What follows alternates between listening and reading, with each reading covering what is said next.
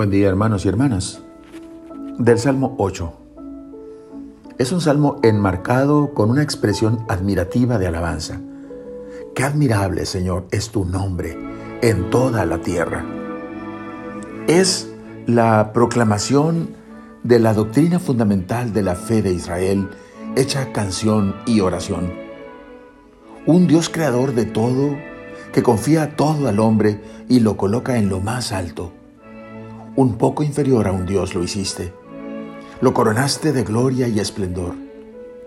Has hecho que domine las obras de tus manos y lo has puesto todo bajo sus pies. En Génesis 1.28, refiriéndose a Adán y Eva, dice la escritura, Dios los bendijo diciéndoles, sean fecundos y multiplíquense llenen la tierra y sométanla. Tengan autoridad sobre los peces del mar, sobre las aves del cielo y sobre todo ser viviente que se mueve sobre la tierra. Este, hermanos, es un salmo, como hemos dicho, de alabanza a la grandeza de Dios, que se transforma también en alabanza a la grandeza del hombre. Sin embargo, observemos los pronombres personales tu nombre, tu gloria, tu poder, tu cielo, tus manos. Tú lo hiciste, tú lo coronaste, tú pusiste todo bajo sus pies.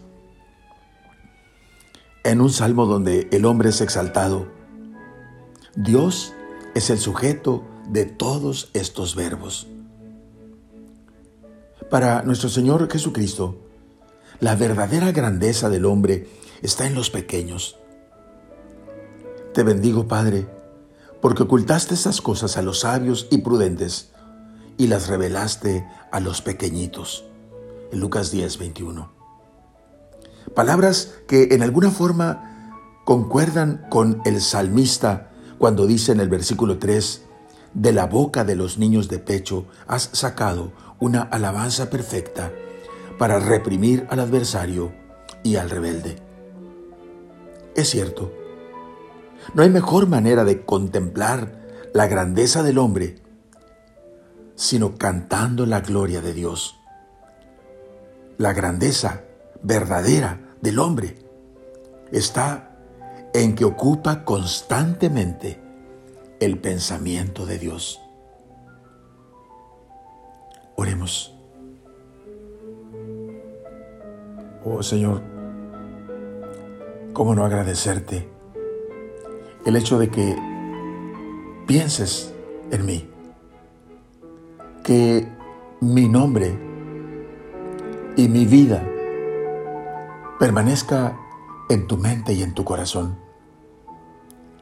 Gracias Señor, porque estabas pensando en mí cuando hiciste toda la creación y cuando enviaste a tu Hijo a morir en la cruz, volviste a pensar en mi salvación.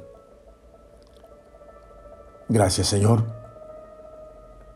porque nuestros nombres están escritos en las palmas de tus manos.